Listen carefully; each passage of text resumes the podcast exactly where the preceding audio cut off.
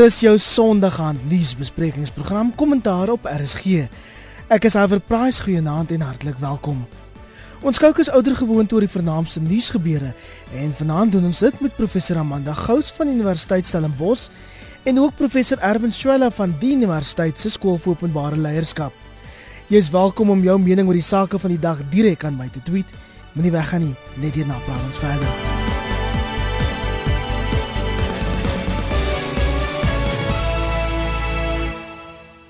Kollegas, ons begin vanaand by groep Durban se sakelei wat aangebied het om pa te staan vir 'n gedeelte van president Jacob Zuma se Kandla skuld. Hulle skynbaar nou keelvol vir die vernedering wat dit vir hom en die ANC veroorsaak het, maar Amanda, ek sien vanoggend in die in die Sunday Times dat die Vincent Ntuli wat in die hoof staan van hierdie groep is eintlik 'n um, arm kunstenaar. Ja, so so sê hy, maar ek ehm um, ek dink hy het ook gesê dit maak nie saak dat hy, jy weet, sy besigheid nie sy, sy omset nie so groot is nie, hy wil bydra tot die eh uh, die geld wat gaan uh, om die kantoor skuld af te betaal. Ek dink vir my is daar 'n uh, 'n uh, 'n groot kwessie hier, want dit die vraag is waaroor gaan dit? Dit gaan nie oor die skuld nie. Die skuld is een aspek van die Nkandla saga, maar dit gaan oor verantwoordbaarheid. En om die skuld af te betaal beteken nie die verantwoordbaarheid word reggestel nie. Die verantwoordbaarheid kan net deur die president reggestel word. Dit is ek dink vir my die een punt. Die tweede punt is dat kan ons die president koop met ander woorde. As ons nie tevrede is wat met die president of met die ANC gebeur nie, dan maak ons die probleem reg met geld. Met ander woorde, ons sit die president en die ANC in ons sak en dan later kan ons verwag dat hierdie gunsies terugbetaal moet word. So ek dink dit is 'n baie um gevaarlike situasie. Niks niks verbied hulle of verhoed hulle om dit te doen nie. Um maar ook deur die feit dat ek dink daar's 30 van hulle en hulle kom almal van KwaZulu-Natal wat my laat dink dat dit um meeste van hulle se etnis, etnisiteit Zulu is. Wat beteken ons sien ook die veretnisering van van politiek wat 'n baie gevaarlike ding is veral in Afrika. So jy weet ek dink nie hierdie is moet gesien word as goedhartigheid om 'n benade situasie vir die president reg te stel nie. Ek dink dit is 'n baie gevaarlike situasie. Ek sien daar's nou selfs in die Sondagkoerant 'n spekulasie dat president Zuma homself agter hierdie groep sakelei sit. Hulle staan as die Public Members Unit Team bekend, geregistreer as 'n nie winsgewende organisasie herwin. Dit blyk as hierdie groep mense eintlik 'n uh, 'n groep mense wat hulle self dan nou sien as potensiële weldoeners uh, vir die president in 'n sekere sin in sy persoonlike hoedanigheid. Amanda se opmerking uh, ten opsigte van openbare aanspreeklikheid en verantwoordelikheid is is 100% reg. Uh as die geld terugbetaal word deur hierdie groep, ehm um, selfs al sou die geld tot 'n mate terugbetaal word deur president Zuma self, dan het ons nog nie ontkom van al die fundamentele vrae en vraagstukke rondom openbare verantwoordingdoening, rondom die grondwet, rondom die proses wat gevolg is hier nie. So die blote terugbetaal van die geld gaan nie 'n groot verskil maak ten opsigte van hierdie aspek. En ons weet nou dat die uh, dat die kreet in die parlement was pay back the money, maar dis maar een dimensie van van hierdie hele verhaal en sage. Die groep mense het natuurlik die reg om uh, geld in te samel. Uh, uit alle berigte wat ons tot nou toe gesien het, wil dit voorkom of hulle self nie um, hierdie soort geld het nie. Maar die vraag is nou by wie hulle dit gaan mobiliseer. Ehm um, en 'n mens moet ook gaan kyk na die bedrag. Dit kan uh soveel as 240 miljoen wees uit die aard van die saak. Sommige van die verbeterings is wel sekuriteitsgebaseerd. Kom ons sê dis 20 miljoen um, om nou maar 'n skatting te maak. Dan sal hulle redelike groot skenkers moet kry. En die vraag is ook of of daar sulke mense is en moontlik is daar mense wat wat hierdie welwillendheid wil betoon. Dis egter 'n vraag verder of daar nie ehm um, dan geld uit uh sê nou maar uh, geleedere van mense wat naby aan mag wil kom, gaan kom nie, mense wat reeds naby aan mag is sal kom nie. En uiteindelik skep dit net 'n verdere stel moontlikhede vir invloed, vir beïnvloeding en vir potensiële korrupsie. Hierdie saak gaan nie uh tot uh, tot rus kom uh, op grond van die terugbetaling van die geld alleen nie. Uh daar's net te veel ander dinge en hierdie groep mense kan as burgers natuurlik doen wat hulle wil, maar hulle gaan uit die aard van die saak ook nie daarin slaag om al hierdie ander kwessies daarmee op te los nie. Maar ons praat nou week na week oor in Kandla op hierdie program Amanda. En mens wonder waar gaan dit alles eindig? Dit kan tog nie tot in die lengte van daarso aangaan nie. Wel, jy weet ek dink as ons nou ook kyk dat die die die ehm um, komitee in die parlement nou wat die die ehm um, openbare beskermer se verslag verder moet vat. Ehm um, so dit gaan aan dis 'n aangaande saak wat eintlik alles baie diep ontwrig in in in in die parlement rondom weet net die daaglikse gebeure in die parlement. Ehm um, en Richard Callant het uh, in hierdie week se Mail and Guardian 'n baie interessante artikel geskryf waar hy waar hy sê jy weet hy verwys na uh die Seriti kommissie oor die wapenskandaal en oor Nakandla en hoe ons alles al van tevore gesien het en dat dit jy weet aangaan en aangaan en elke keer kry dit net 'n nuwe manifestasie. En die groot probleem hier is korrupsie uh, en 'n uh, en 'n president wat homself elke keer in die middel van al hierdie uh, gebeure vind. So dit kan nie ophou totdat daar verantwoordbaarheid geneem is nie. En die groot probleem hier is die feit dat die ANC ehm um, en die president en die staat so nou verweef is met mekaar op hierdie stadium dat enigiets wat gesien word as kritiek teen die president is kritiek teen die ANC is kritiek teen die staat en ehm um, dan maak die ANC sy rug styf en sê maar ehm um, daar's counter revolutionaries aan die werk wat die wat Suid-Afrika wil ondermyn en wat die demokrasie ondermyn. Maar die grootste gevaar vir die grondwet op die oomblik en vir grondwetlikheid is die ANC. So jy weet hulle hulle wys die vinger na almal, maar maar kyk nie na hoe hierdie al hierdie prosesse ehm um, en die gebeure rondom Nkandla die grondwet en grondwetlikheid ondermyn nie om te sê dat die die ehm um, openbare beskermer nie regstellende aksie kan aanvra nie is net 'n totale wanbegrip van die grondwet. So die die ANC begin al slegter lyk as die regerende party en die en die oppositie begin al beter lyk want hulle is besig om al hierdie skandes oop te vlek en dit maak die ANC net net meer uh hulle hulle probeer die hele tyd toesmeer en probeer om die probleem op te los sonder om te sê die die kwaad hier ehm um, die bose sweer is 'n gebrek aan verantwoordbaarheid en hoe gaan ons daarmee wat gaan ons daaroor doen? Erwin jou reaksie? Ja ek dink die die eerste punt is is is, is wat sien ons hier dit wil voorkom asof die ANC besluit het dat hulle die president ten alle koste gaan beskerm. Uh op verskillende maniere en op verskillende platforms nou onlangs weer word gesê dat al hierdie dinge is eintlik onwaarhede, daar's geen feitelike basis daarvoor nie en dat alle ANC-lede die president onafhanklik daarvan of hulle van hom hou of nie moet ondersteun. Die ANC op 'n bepaalde manier plaas hulle jarelange reputasie en daar was 'n stadium um, en daar is nog steeds mense binne die ANC waarop die ANC eintlik 'n reputasie gehad het vir 'n party wat die regte dinge doen en daar is mense binne die ANC wat nog steeds dink ek dit wil doen. Maar dit wil voorkom asof daar ehm um, so 'n uh, uh, as dit ware closely knit so so so 'n uh, uh, samevoeging van van dinge is wat die president en alle koste moet beskerm. Die ANC lyk dit my maak die inskatting dat as die president ehm um, uiteindelik tot verantwoording geroep word, bedank of of of op een of ander manier ehm um, uh, geregtelik verantwoordelik gehou word, gaan dit die ANC skade aandoen.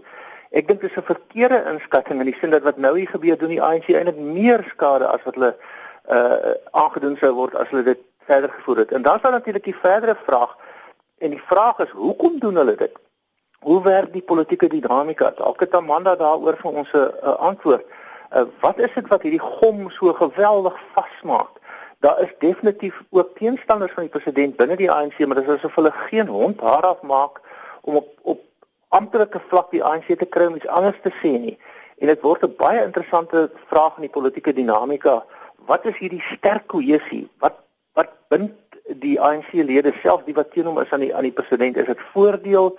Is dit belange hoe werk dit? Ehm uh, die derde punt wat ek dink mense hier kan maak is, is hierdie hele sage wat ons elke week besig hou is ook besig om die landskade te doen. Ehm um, daar's groot uitdagings in die ekonomie uh ten opsigte van sosiale kohesie wat werklike leierskap verg wat leierskap verg wat met hierdie kwessies kan uh, kan handel. En op die oomblik is ons so gefokus op Nkandla, president Zuma, uh, die Gupta, um, die wapenskandaal dat dit eintlik 'n groot hoeveelheid van ons energie wat nodig is om die geweldige uitdagings waarvoor ons staan te hanteer uh, op te neem. So die die die, die punt is ons moet op 'n of ander manier kom by 'n situasie waar ons kan sê ons het nou al hierdie goed rondom president Zuma afgehandel sodat ons kan voortgaan om die werklike uitdagings ehm um, van die van die land aan te spreek. En ek sien dit nie gebeur nie. Ons is herhalend besig om terug te gaan na al hierdie aspekte wat eintlik ons energie tap op met goed wat uh, wat nie van wel van groot belang, maar ons moet daarvan uh, afskeid neem en voortgaan om die regte goed te doen.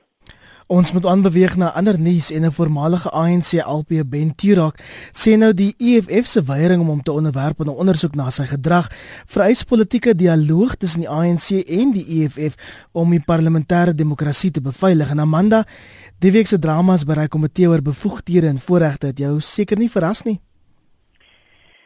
Ja, ek, ek dink ehm um, jy weet ons het nou twee insidente kort na mekaar gehad waar die ehm um, die oppositie uitgestap het uit die parlement oor die uh um, gesprek of of die motie van wantroue in die spreker en nou het ons die EFF wat uitstap uit 'n dissiplinêre verhoor.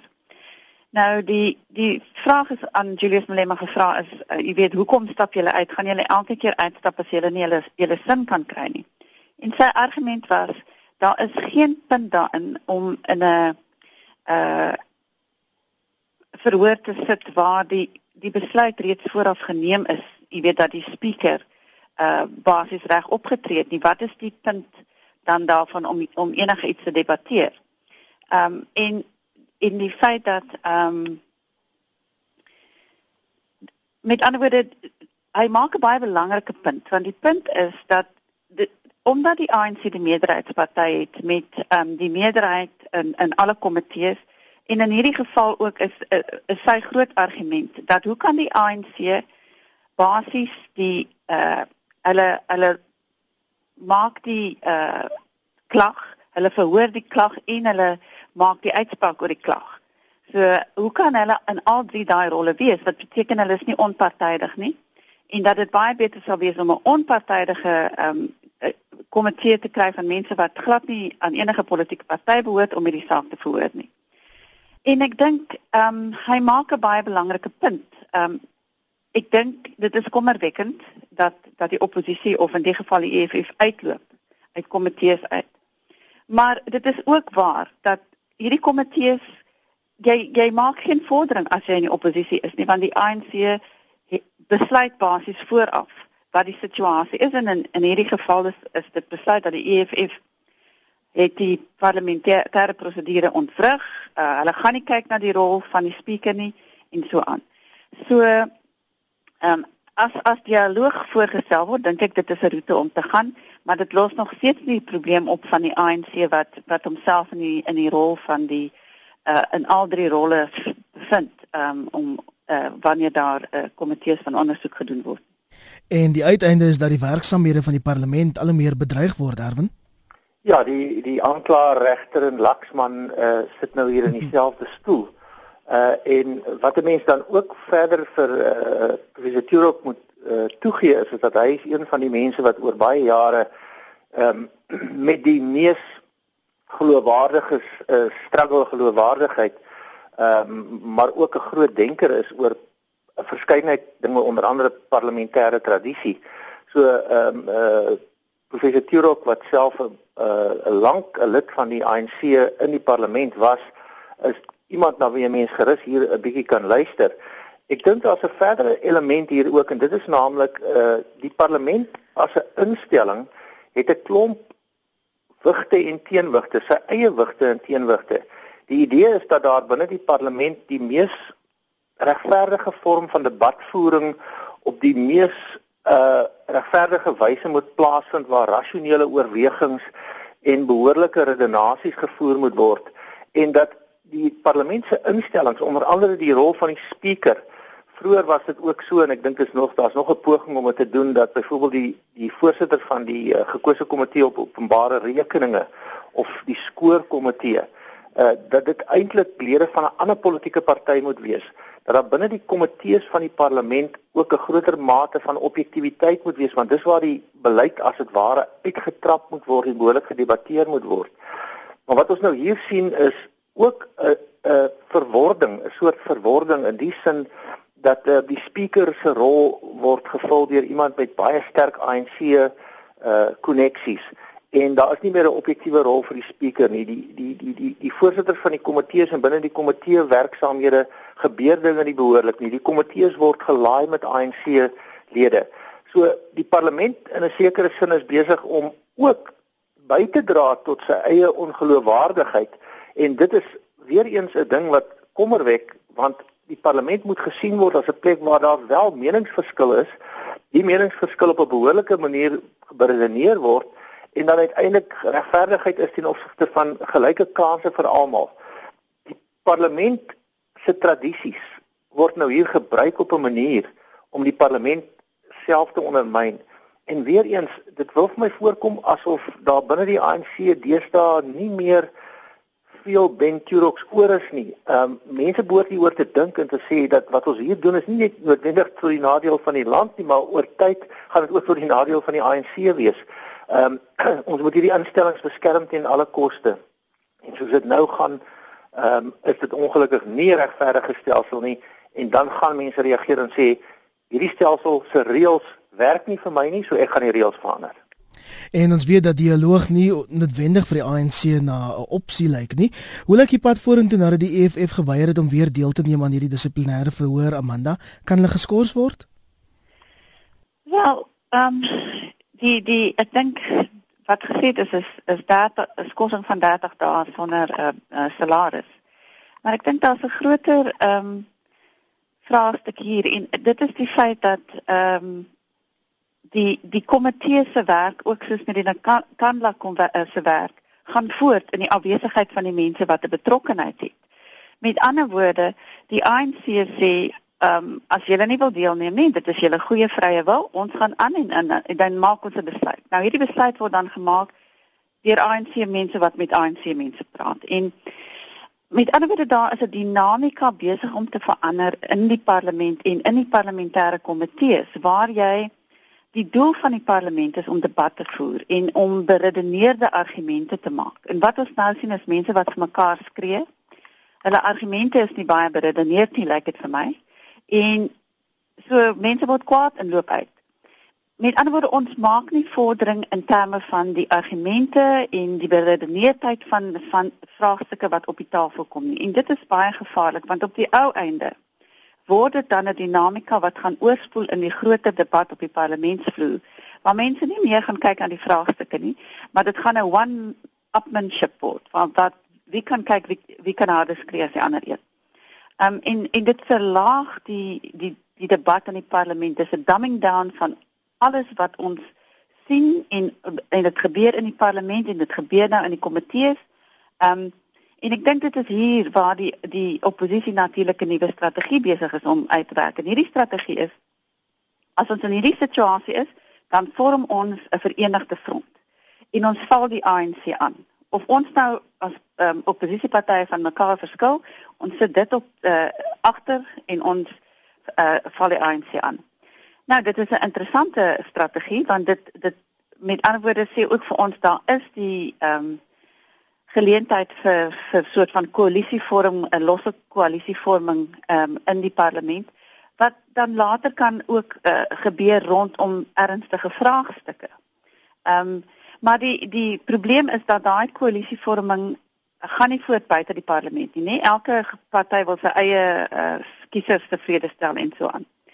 Maar maar dit is interessant wat hierdie dinamika doen want nou sê die ANC en hulle sê dit op openbare platforms daar word teen die ANC ge uh, uh saamgestaan en daar word um, die ANC word ondermyn en dit is 'n knoeiery van die oppositie en dit is asof daar geen begrip bestaan dat dit 'n uh, geldige strategie is deur oppositiepartye om te om te kan gebruik nie.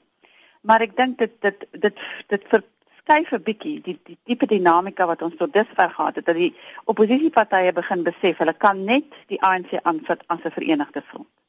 Erwin, wil jy reageer op die nuwe dinamika van die oppositie? Die oppositie uh skep natuurlik vir vir, vir hulle self ook geleenthede om die ANC die hele tyd uit te daag. Ehm um, en die ANC gee nou ook vir hulle geleenthede om hulle uit te daag.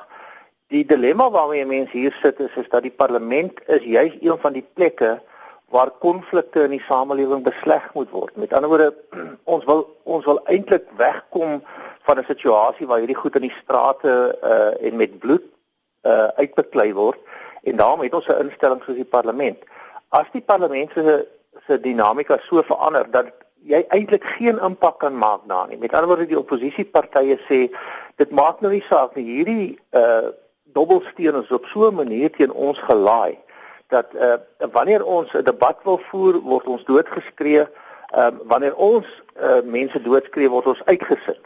Uh wanneer daar 'n verhoor is, word ons verhoor deur dieselfde mense is dieselfde tyd die aanklaers, die regters en die laksmanne en ons het geen um, rol hier om te speel nie. As ons voortgaan om daai stel idees uh, binne die parlement laat uitspeel, wil ook voorkom asof die ANC uh, hulle self beskou. Onthou um, die ANC sê self hulle self hulle gaan regeer totdat totdat uh, die wederkoms weer daar is.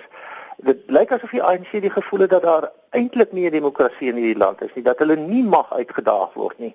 En wat binne in die parlement afspeel speel ook maar buite die parlement af in die sin dat daar die groot mate van onverdraagsaamheid is dat daar eintlik nie toegelaat word dat debat gevoer word nie. Dit werk eintlik met 'n aanname dat die ANC op een of ander manier nou laat blyk dat ehm um, hulle miskien nie heeltemal so liberaal of selfs liberaal demokraties was hulle waarskynlik in elk geval nie maar kom ons sê dan meer dinge demokraties is nie. En, en sê dat hulle die reg om mag te hê.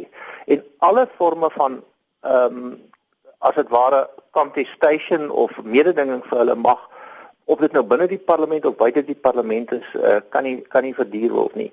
En dit uh, voorspel nie veel goed vir die toekoms nie en, maar weer eens ek ek is oortuig daarvan daar is nog steeds denkers binne die die ANC mense wat uh, gaan sê uiteindelik maar ons moet ons moet terugkom van hierdie pad af. Aan die ander kant en daarmee wil ek hierdie hierdie punt vinnig afsluit baie van die denkers binne die ANC het ongelukkig ehm um, by die laaste verkiesing voor die laaste verkiesing ehm um, hulle eintlik van die toneel verwyder en is nie meer binne die ANC nie. Ehm um, daar is sekerlik nog 'n paar ehm um, maar ek uh, dink hulle raak al hoe minder. En dan het verskeie ontevrede lede uit die EFF bedank en die week 'n nuwe party, die New Economic Freedom Front aangekondig. 'n Ander splintergroep is ook in Namibië begin. Jou reaksie daarop Amanda?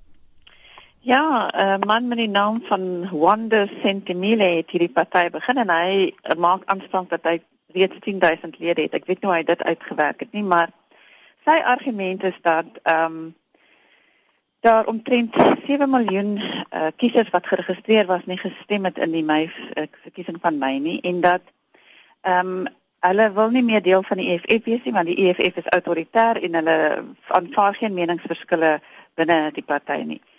So hy het weggebreek uh, met die idee om 'n nuwe economic freedom front te begin En hy sê ook ehm um, dat daar meer ehm um, met meer genaakbaarheid eh uh, gekyk moet word na die ekonomie en veral grond omdat wit mense die grond besit al het hulle dit op 'n onregmatige manier bekom en dat daar op 'n manier gewerk moet word om die grond te kry met die nodige kompensasie wat wat anders is as die EF wat sê wat grond moet net eenvoudig genasionaliseer word.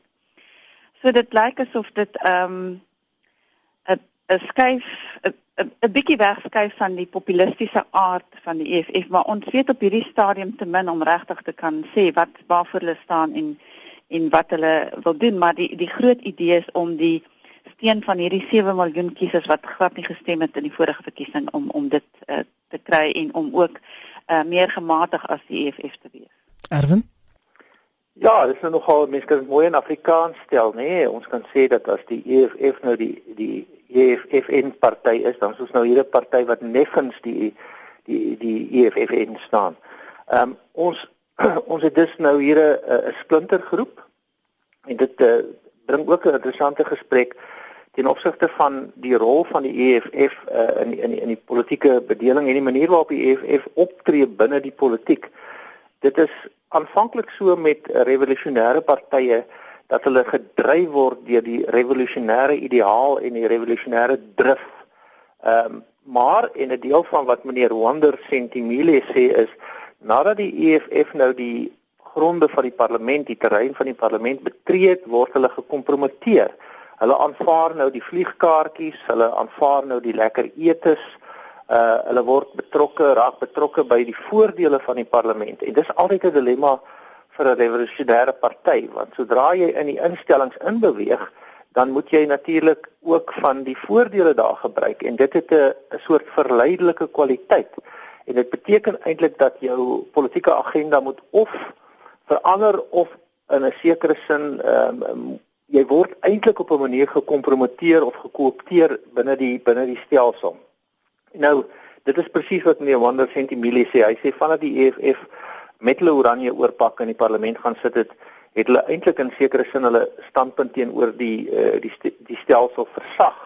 Aan die ander kant is hulle ook uh, natuurlik teen die leierskapstyl van meneer van meneer Malema. Dis nog 'n dilemma binne revolusionêre partye. Om die re revolusionêre drang en drif aan die gang te hou, het jy sogenaamde sterk leierskap en simboliese leierskap nodig. So meneer Malema moet gesien word as om uh, baie uitdagend en en en baie revolusionêr te wees. Ehm um, maar nou is die dilemma dat uh, eintlik moet hy nou saamwerk met die DA byvoorbeeld ten opsigte van die hantering van uh, van die die die ehm um, die parlementêre prosedures. En skielik word hy gesien as iets anders. Hy werk nou nie net meer as 'n revolusionêr nie, hy werk nou ook saam met die DA. Ehm um, en dan derdens die substantiële beleidsaspekte wat eintlik maar 'n soort swakkerige derde plek kry waar meneer Wander Sentimile sê maar die boere het daarom ook intussen die grond bewerk en die landerye mooi gemaak en ons kan hulle nou nie net afsit nie. Nou dit is eintlik dan 'n minder radikale stelling. Ehm um, maar die EFF en dit moet ons ook vir onsself sê net soos die DA gaan nooit hierdie land regeer nie. Hier kom 'n nuwe politieke bedeling want die EFF kan nie aanspraak maak op die 25% kiesers wat die DA kry nie en hulle sal dus ten minste die ANC se se steun moet halveer. So hierdie hierdie droom van die EFF en miskien die nagmerrie van 'n klomp ander mense dat die EFF ooit hierdie land gaan regeer, ehm um, hoef ons nou ook nie te ernstig op te neem nie. In ander nuus, die teenstander van die 1999 wapentransaksie, Terry Crawford Brown, hou voet by stuk dat die voormalige minister van verdediging, Joe Modise, vermoor is. Hy het die afgelope week voor die Seriti kommissie verskyn. Amanda, wat het jy gedink van meneer Crawford Brown se getuienis? Ja, ek het daarna geluister op die radio en ek moet sê na nadat ek nou vir 'n ruk geluister het, dit dit vir my alles is ehm um, wat ons noem samesweringsteorie begin klink. Mm. Want dit is net so ehm um, vergesog in in sekere uh, sekere opsigte. En ek, ek dink Terry Crawford Brown word gesien as een van die grootste voorstanders om hierdie wapen skandaal oop te vlek en en dat hy sy huiswerk baie goed gedoen het. Maar hy sê nou byvoorbeeld dat ehm um, Joe Modisi uh vergiftig is omdat hy basies sou bekend maak wie betrokke is by die wapenskandaal.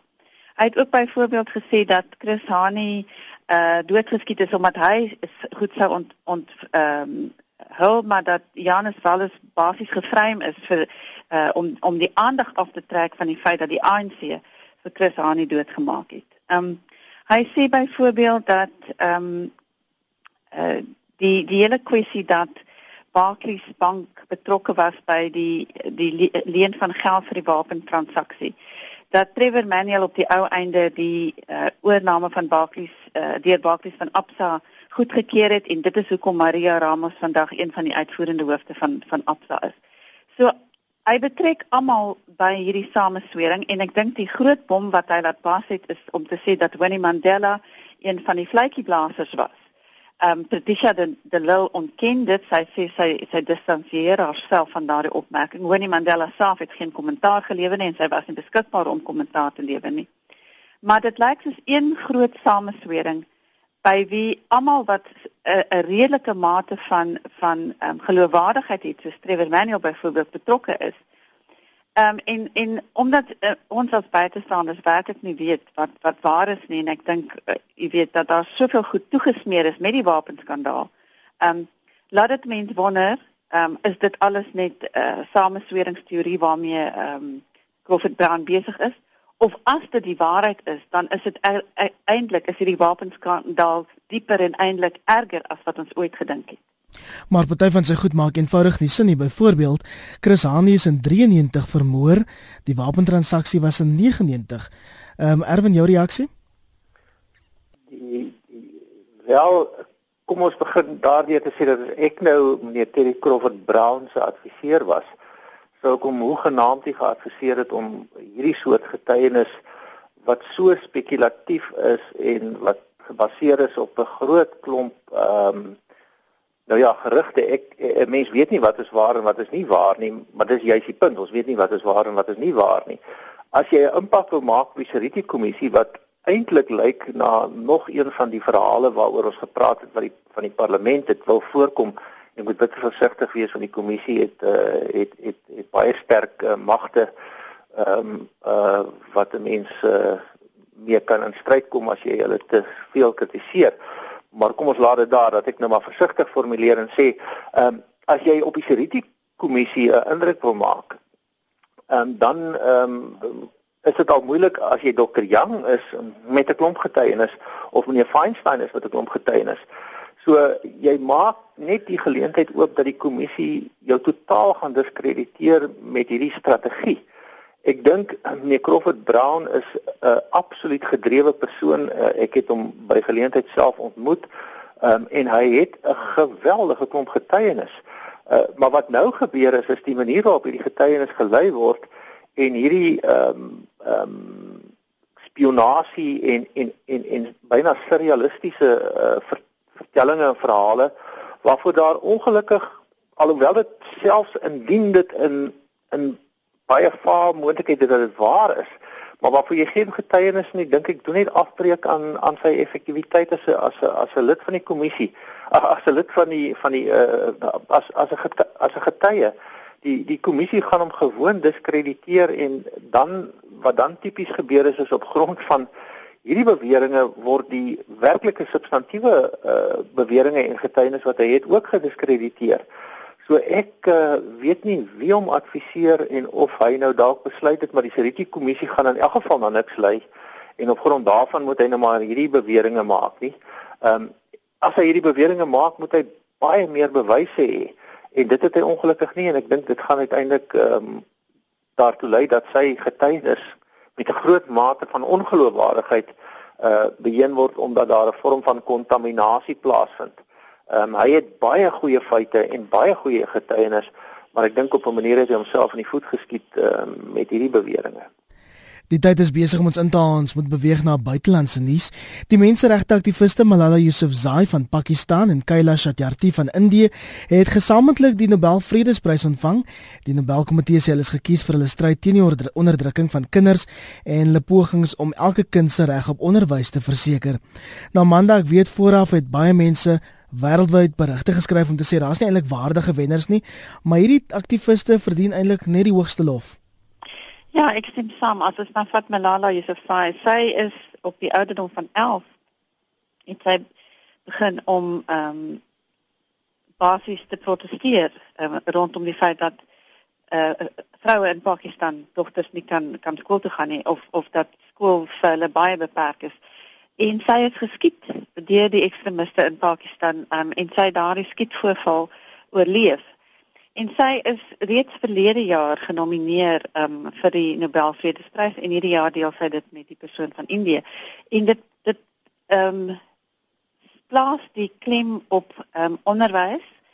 Uh maar die die die persoon van Indië kyk ook na kinderarbeid. Met ander woorde, Volgens hom is daar omtrent 60 miljoen kinders in Indië wat werk, met ander woorde van baie jongs af. So. En en die ehm um, idee is om ook die die lig te plaas op hierdie uh, wanpraktyke van kinders wat eintlik nooit kinderjare het nie. Hulle hulle is nie kinders nie, hulle werk vandat hulle baie klein is. So ek dink dit is is 'n waardige ehm um, wenners um, omdat dit spesifiek gaan oor mense wat wat basies baie weerloos is en wat wat basies nie vir hulle self kan veg in hierdie stryd rondom onderwys nie. Ehm uh, Malala is die jongste persoon wat ooit die Nobelvredesprys gekry het. So ek dink dit is 'n dit is werklik 'n erkenning van haar uh, stryd uh, wat sy gevoer het van die ouderdom van 11 af. Ek sien die Taliban het 'n tweet gestuur om te sê hulle messe is geslyp. Ehm um, en ja, hulle sal dan uiteindelik uiteindelik seëvier, Erwin. Hierdie is so simbolies belangrik en uh, so besonder ten opsigte van nog 'n groep magloses en magteloses in samelewings naamlik kinders en veral die die die die girl child die die vroukind. Ehm um, dit dit gee vir my 'n gevoel van van groot genoegdoening dat hierdie mense dit gekry het. Dis ook simbolies interessant want ons weet dat Indië en Pakistan ehm um, natuurlik ook twee lande is wat met mekaar dikwels in 'n stryd verkeer. Jy weet ons nou iemand uit Pakistan, uh, naamlik Malala en uh, dan ehm um, Satyarthi uit Indië. Al twee hierdie persone het hulle self beywer vir kinderregte en en ook vir die die regte van van van die vroue kind of die girl child. Ehm um, en ek dink dit uh, dit is 'n wonderlike toekenning hierdie uh, met sterk simboliek. Ehm um, dikwels as as twee partye ehm um, en ons weet in ons eie geval met eh uh, meneer Mandela en met meneer de Klerk was dit mense wat ons uit 'n uit 'n 'n 'n burgeroorlog uitgelei het. Ehm um, maar dan is dit gewoonlik omdat daar sulke hoë konflik is. Hier is 'n mate van konflik tussen die twee lande, maar dit het niks daarmee te doen nie. Hierdie mense kry dit saam vir 'n gemeenskaplike doel en dis die bevordering van die regte van magloses en magteloses. Uh, ek is beïndruk met die met die ehm uh, simboliek hiervan en met die wysheid van die besluit van die komitee. En dis ongelukkig alwaar tyd het vanaand op kommentaar hier op RSG. Baie baie dankie professor Amanda Gous van Universiteit Stellenbosch. Dankie Amanda. Goeienaand Alex. En dan ook die ander politieke ontleder professor Erwin Swela van die Universiteit se skool vir openbare leierskap. Naanse Erwin. Baie dankie en totsiens.